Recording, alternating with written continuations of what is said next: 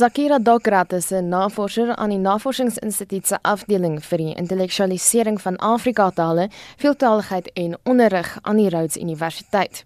Sy sê voor April 2017 was die amptelike tale wat in die Hooggeregs en Landdroshowe gebruik is, Afrikaans en Engels. Toe is Magweng se dekreet uitgereik sonder enige konsultasie met die betrokke rolspelers.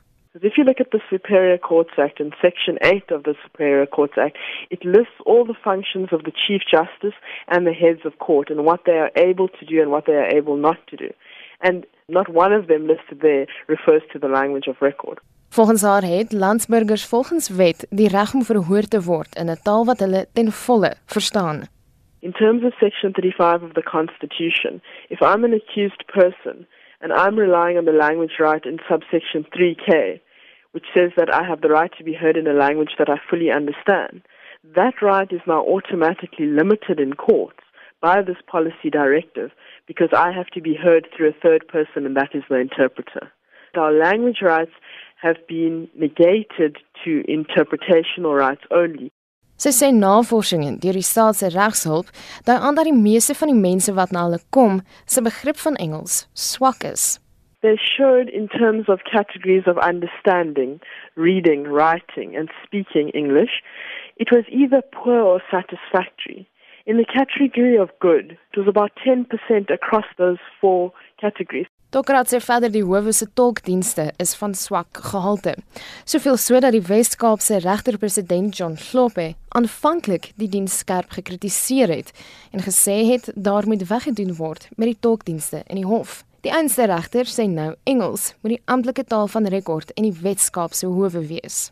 Years ago, Judge Thorpe wrote an article in the South African Law Journal where he said that the interpretational services employed in the courts in South Africa are extremely poor and we should move away from the system of interpretation. Die redes wat glo aangevoer is vir die gebruik van Engels is om die diskriminasie van die verlede 'n vuishou toe te dien. Dokrat glo egter die verengelsing van howe hierdie teenoorgestelde uitwerking. You downgrading the status of Afrikaans which a large majority, we forget, is spoken by the colored population of the country.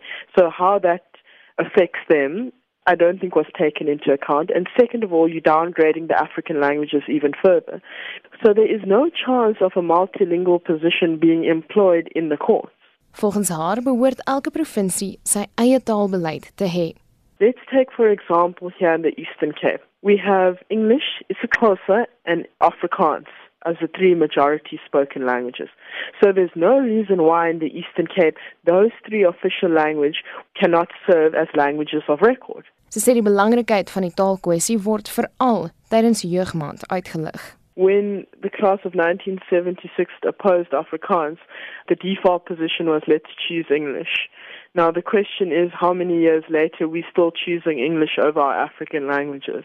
Dit was Akira Dokrat, 'n navorser aan die Navorsingsinstituut se afdeling vir die intellektualisering van Afrika-tale, veeltaaligheid en onderrig aan die Rhodes Universiteit. Ek is Marlene Forsie vir SAK nuus.